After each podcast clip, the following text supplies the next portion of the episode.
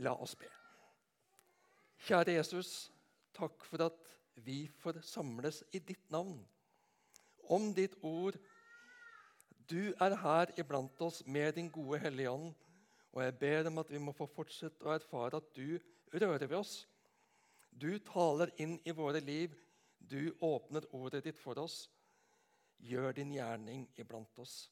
Det ber vi deg om. Takk for det vi har fått være med å gi. Ber om at du må velsigne det, at det kan bli til gagn for ditt rike. Amen. Nå skal vi lese fra Lukas evangeliet, kapittel 9, og vi står alle sammen.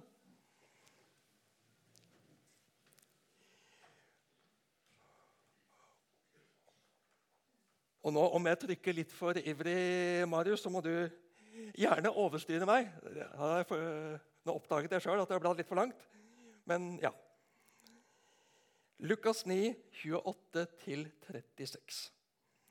Omkring åtte dager etter at han hadde sagt dette, tok han med seg Peter, Johannes og Jakob og gikk opp i fjellet for å be. Og mens han ba, fikk ansiktet hans et annet utseende og klærne ble blendende hvite.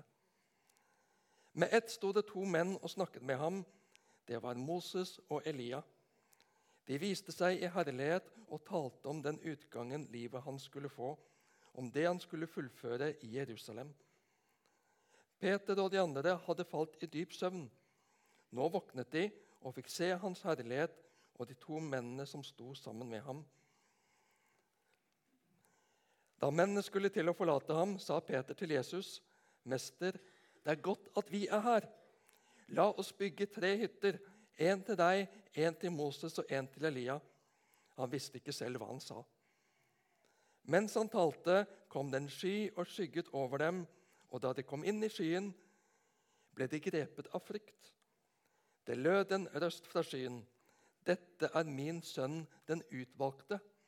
Hør ham. Og da røsten lød, var det ingen annen å se, bare Jesus. Disiplene tidde med dette.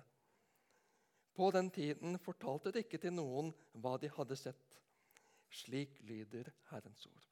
Vær så god, sitt. Jeg kan ikke for det, men jeg syns det gjør godt. Jeg syns det er herlig å lese om disiplene når de er så tvers gjennom menneskelige? Jo visst skal vi beundre dem, se opp til å ære disiplene, apostlene. Og jeg ser virkelig opp til Jesu første disipler. Hva de så, hva de gjorde, hva de gjennomgikk. Med ett unntak døde de alle som martyrer etter å ha frimodig delt vitnesbyrd om Jesus for høy og lav, for kjent og ukjent. Men det er herlig når disse forbildene våre faller litt igjennom det fromme, glorifiserte bildet vi lett vil binde dem til. For det er vi som tegner det bildet, ikke dem selv og ikke Bibelen. Og jeg opplever at Når vi får se dem slik, så kommer de litt nærmere. De er ikke så høyt hevet over oss vanlige mennesker. Peter snakker over seg gang på gang. Og er det flere her som har sovnet når de skulle be? Søndagens prekentekst viser at vi er i godt selskap. Og Nå har vi delt sammen et, et bibelavsnitt som er proppfull av gode poeng. Og Jeg kan ikke eh, gå inn på alt skikkelig, men det første som jeg vil løfte fram, det er venner. Jesus hadde mange venner. Selv om det ikke var alle, så forble venner gjennom hele Jesu jordeliv. Noen kom, noen gikk, og det er naturlig. Han hadde den vide disippelskaren. En videre flokk som lyttet, som brydde seg, som fulgte ham, i hvert fall periodevis. Vi leser om de 70 disiplene. Jesus valgte seg ut tolv disipler som fikk komme tettere, og som fikk en spesiell opplæring og et spesielt kall. Men vi ser også, ikke minst i dagens tekst, at Jesus var tettere med tre av sine disipler. Peter, Johannes og Jakob. Alle sammen trenger vi venner. Vi er skapt til fellesskap. Noen har mange venner, andre har færre venner. Vår verdi og status handler ikke om hvor mange venner vi har, men at vi er skapt av Gud i hans bilde, elsket og uendelig verdifull for ham. Og vår situasjon, vår status, handler om hvordan vi forholder oss til ham. Hvordan vi forholder oss til Jesus. Det har evig betydning.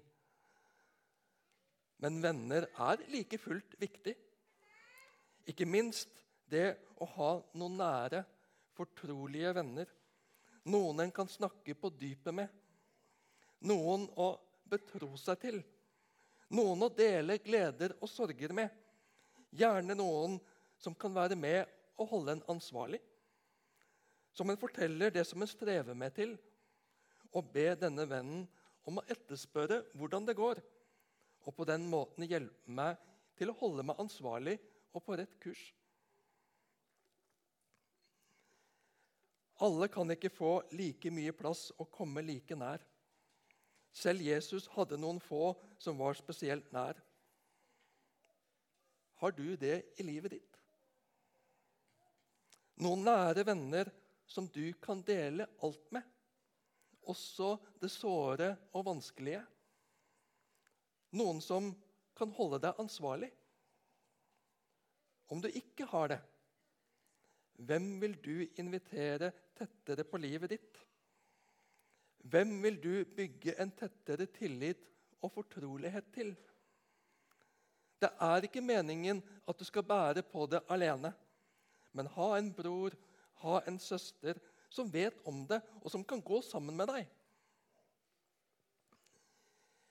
Så syns jeg det er nydelig å lese på Facebook når ektepar har bryllupsdag. Og ektefellen beskriver sin ektefelle som sin kjæreste og beste venn. Det er en styrke og velsignelse å ha en livsledsager å dele gode og onde dager sammen med.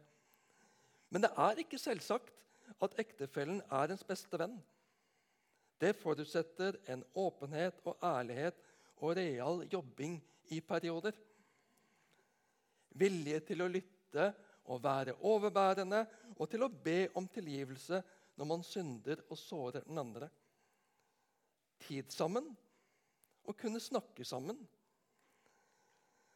Og Jeg har fortalt her i menigheten før om hvordan ekteskapsdialog hjalp Siv og meg til å komme nærmere hverandre. Hjelp oss til å sette ord på ting og forstå hverandre bedre. Vi fikk rett og slett redskaper til å kommunisere bedre og helere med hverandre. Og så er det stas å registrere at flere og flere par her i menigheten etter hvert har reist på Edeviken. Og Nyviken skal være i Stavanger 1.-3. april. Og Siv og jeg skal være med som lederpar der, sier jeg ubeskjedent. Så det er dagens reklame. Men dype vennskap, fortrolige, livsbejaende vennskap, er ikke forbeholdt ekteskapet og ektepar. Og det er flott å se hvordan vennskap bygges og styrkes i og mellom generasjoner iblant oss. Alle trenger vi venner. Alle trenger vi noen å dele liv med på en eller annen måte, i en eller annen grad. Vi er skapt til fellesskap. Vi trenger hverandre i storfellesskapet i menigheten, i småfellesskap, i bibelgrupper og foreninger, og vi trenger hverandre som venner på individplan. Vi trenger mennesker å dele opplevelser med og lufte gleder og sorger og utfordringer med. Og vite og merke at jeg har noen som er der sammen med meg. Det er noen som vet hvordan jeg har det, som jeg kan snakke med, og som ber for meg. Venner, rett og slett. Og noen slike kan også bli til på tvers av generasjoner gjennom medvandring. Å jevnlig møte en bror eller søster i menigheten av samme kjønn, men gjerne i en annen fase av livet, hvor de kan få dele tro og liv, lese og samtale over Guds ord sammen og be sammen. Vi kaller det medvandring. Å ha en medvandrer. Og ønsker du en medvandrer, så har vi et team som ledet av Olga Kvitstein, som organiserer det her i menigheten i Misjonshuset. Kontaktinfo finner du på misjonshuset.com. Jesus inviterer de tre nærmeste vennene, Peter, Jakob og Johannes, opp på fjellet for å be. Han vil dele noe med dem som han ikke kan dele med alle. Ikke ennå, i hvert fall. Og mens han ba, fikk ansiktet hans et annet utseende, og klærne ble blendende hvite. Her i Lukas 9 har Lukas akkurat fortalt om Peters frimodige, dyptgripende og dyptseende bekjennelse. Du er Guds Messias. Jesus har åpent og ærlig fortalt dem at det vil koste å følge ham. Om noen vil følge etter meg, man fornekter seg selv og hver dag ta sitt kors opp og følge meg. For den som vil berge sitt liv, skal miste det. Men den som mister sitt liv for min skyld, skal berge det. De har hørt, de har trodd, de har bekjent og blitt undervist. Nå får disse tre erfare på en helt annen måte Jesu guddom og hellighet. Det var ikke alle som fikk se Jesus slik. Det betyr ikke at de andre var dårligere disipler. Det betyr heller ikke at de andre manglet noe. Og vi skal være våkne og vokte oss for å plassere dem som har spesielle opplevelser, i en egen elite, og selv i en annen rang om vi ikke har de samme opplevelsene og erfaringene som dem. Da feilkobler vi og misbruker Jesu ulike gaver til ulike personer. Det var ikke spesielle erfaringer eller syner som var avgjørende. Men Jesus ønsket og valgte å vise seg slik for disse tre på akkurat denne måten. Og det skulle bli til styrke og velsignelse og forståelse for fellesskapet på sikt. samtidig som Jesus er deres nære venn i kjøtt og blod. De har spist sammen med ham, de har vært på tur sammen, de har ledd og grått sammen. De har blitt verdsatt og foraktet sammen. De kjenner denne karen på veldig mange måter. Samtidig får de nå se det som Peter har antydet en bekjennelse av. De har ikke bare med en vanlig kar å gjøre, en som er lik dem selv. De har med den levende Gud å gjøre. Gud er kommet helt nær. De har bokstavelig talt vandret med og lyttet til Gud. Den levende, hellige, rene, fullkomne Gud. Helt nær. Han er her. Og som om ikke det var nok Med ett sto det to menn og snakket med ham. Det var Moses og Elia. De viste seg i herlighet og talte om den utgangen livet han skulle få, om det han skulle fullføre i Jerusalem.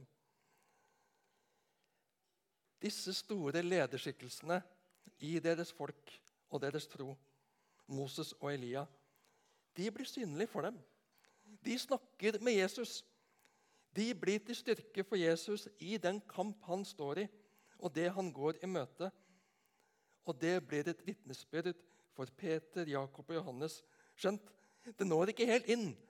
Ikke ennå. Hva snakker de med Jesus om, Moses og Elia? De snakker om den utgangen livet han skulle få, om det han skulle fullføre i Jerusalem.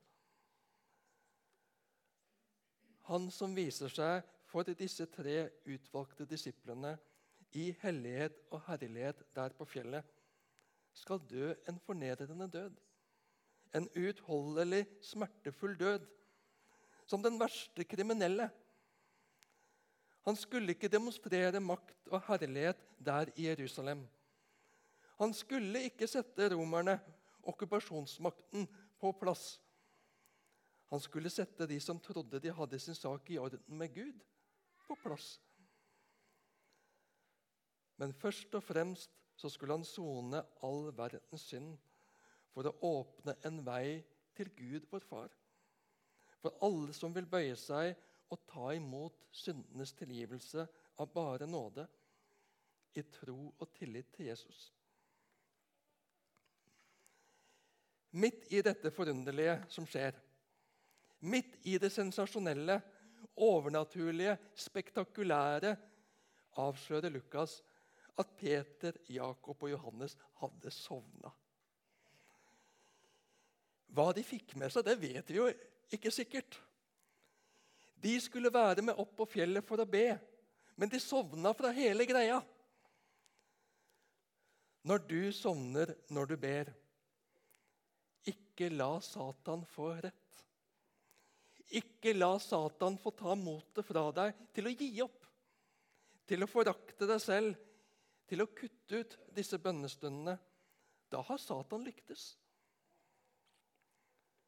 De samme disiplene skulle i Getsemane bli bedt med ut fra resten av flokken for å be med Jesus. De sovna da altså. Men Jesus forakter dem ikke. Jesus fordømmer dem ikke. Det er Satan som kommer med slikt.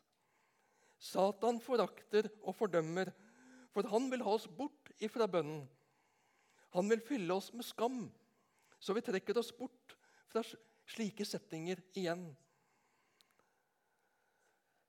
Er det noen bedre måte å sovne på enn med åpen linje til Far i himmelen? I bønn til ham, i bønn til Jesus. Vi behøver selvfølgelig ikke å legge opp til å sovne når vi ber. Men det gjør ikke noe om vi sovner. Men det gjør veldig mye om vi slutter å be. Eller ber på færre tidspunkter på døgnet.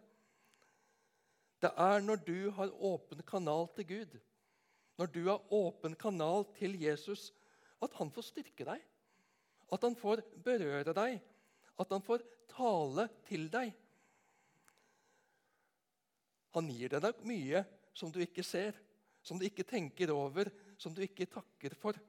Men det er det du er åpen for og ser, som gir deg en erfaring av Guds nærvær, styrke, hjelp, modning og forming.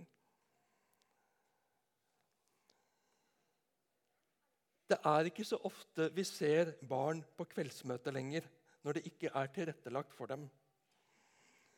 Men jeg synes det er utrolig herlig at selv om det ikke er Havana, så er det barn på gudstjenesten i dag. Og dere gjør litt til skamme det som jeg nå sier. Og takk for det! Fortsett med det! For jeg tror ikke at barna har vondt av å eksponeres for noe som ikke er tilrettelagt for dem. Det eksponeres altfor ofte for innhold på TV og Internett som ikke er tilrettelagt for dem. Så skal vi ikke være late og ikke tilrettelegge for barna. Vi ønsker å satse på barn og unge i Misjonshuset. Vi ønsker å legge til rette og formidle Guds sannheter til dem, så de ser og forstår og tar imot og blir så litt forankret i ham. Vi ønsker å fostre barna til å være Jesu disipler. Men jeg tror ikke de har vondt av å få med seg noe som ikke er spesifikt tilrettelagt for dem iblant. Og det gjør ingenting om de sovner under talen eller undervisning av Guds ord. Noe siger inn likevel. Disiplene sovna i bønn. Og hva de får med seg av samtalen mellom Jesus, Moses og Elia, vet vi ikke. Men når de våkner, så blir de forståelig nok en smule forfjamset og perplekse. Og Peter er Peter. Han er spontan, og han er praktisk anlagt. Wow! Dette er jo fantastisk! Dette må ikke ta slutt! Kanskje hadde han i bevisstheten at det var like før løvetefesten. I hvert fall. Mennene til, da mennene skulle til å forlate ham, sa Peter til Jesus, 'Mester, det er godt at vi er her.' La oss bygge tre hytter, én til deg, én til Moses og én til Elia. Han visste ikke selv hva han sa, kommenterer Lukas. Jeg ser for meg at etter hvert ble en god, rundt bålet-historie når det hadde gått litt tid. De lo og smilte, hadde det litt moro med og av hverandre i disippelflokken når de delte minnene med hverandre av alle opplevelsene de hadde hatt med Jesus. Og nå skulle de bringe de gode nyhetene om ham ut til resten av folket. Men er det ikke gjenkjennelig? Når vi er på toppen, når vi står i de mektige, gode, varme opplevelsene Dette må ikke ta slutt. Dette vil vi holde på. Men det var ikke meningen at Peter, Jakob og Johannes skulle være der på fjellet bestandig. Ikke Jesus heller. Da hadde han ikke fått gjort det som han kom for. Da hadde han ikke fått ordnet det som skulle gi oss ikke bare et glimt av herlighet, men en herlighet hos Far i evighet.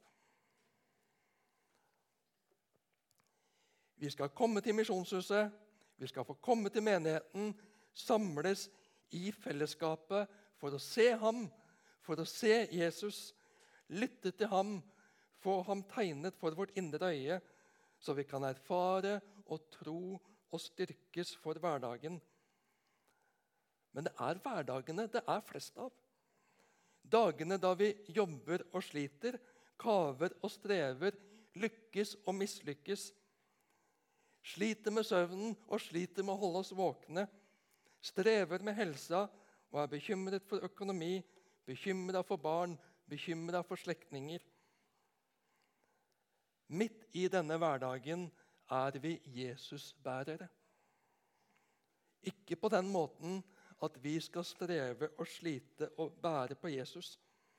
Men ved at vi har vært sammen med ham, fått se ham, fått erfare ham, lytte til ham, så preger det oss når vi kommer ut i hverdagen igjen.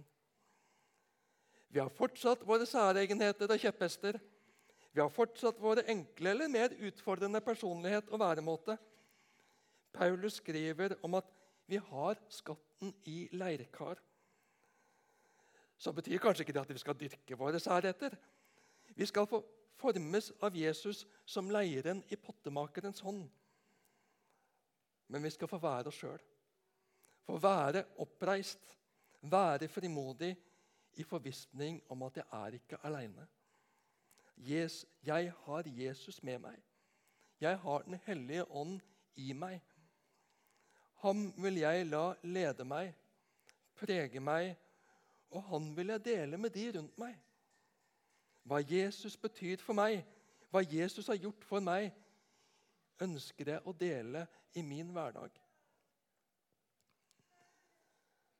Men denne store og mektige opplevelse til Peter, Jakob og Johannes er ikke over ennå. Mens han talte, kom det en sky og skygget over dem. Og da de kom inn i skyen, ble de grepet av frykt. Det lød en røst fra skyen. Dette er min sønn, den utvalgte. Hør ham. Og da røsten lød, var det ingen annen å se, bare Jesus. De ble grepet av frykt. De skjønte kanskje ikke helt hva som skjedde. Eller kanskje de nettopp fikk en sterk fornemmelse av hva som skjedde. De var på hellig grunn. Et hellig, mektig nærvær. Det er naturlig at lille meg blir fylt av frykt, av ærefrykt innenfor Gud. Og det er naturlig at det som er skittent, det som er syndig, reagerer med frykt i møte med hellighet og renhet. Det ligger i oss at dette går ikke i hop. Og jødene var opplært i at ingen kan se Gud og leve. Og Gud, Far i himmelen, lar sin stemme høre i skyen. Dette er min sønn, den utvalgte. Hør ham. Og da røsten lød, var det ingen annen å se, bare Jesus. Himmelens Gud etterlater ingen tvil. Dette er min sønn, den utvalgte. Hør ham. Så var det ingen annen å se, bare Jesus. Moses har hatt sin tid og sitt virke. Elia har hatt sin tid og sitt virke. Men det er ikke dem vi skal være opptatt av. Det er heller ikke denne mektige opplevelsen verken de eller vi skal være opptatt av. Vi skal være opptatt av Jesus. Hør ham. Tro ham. Følg ham.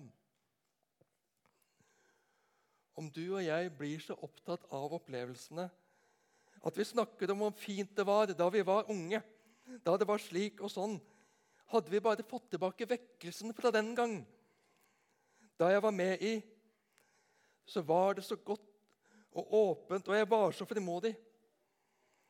Ikke la oss fristes til å se bakover, være opptatt av hvordan det var, og hva vi opplevde. Det skal få være en god ballast, men vårt fokus, vår oppmerksomhet, skal være på Jesus og ham alene. Hør ham. Disiplene tidde med dette. På den tiden fortalte de ikke til noen hva de hadde sett. Dette var for stort, for mektig til å snakkes om. Det er ikke alle erfaringer med Jesus som vi skal fortelle til andre, spesielt ikke for fort. Da kan de ødelegges eller få feil fokus hos oss.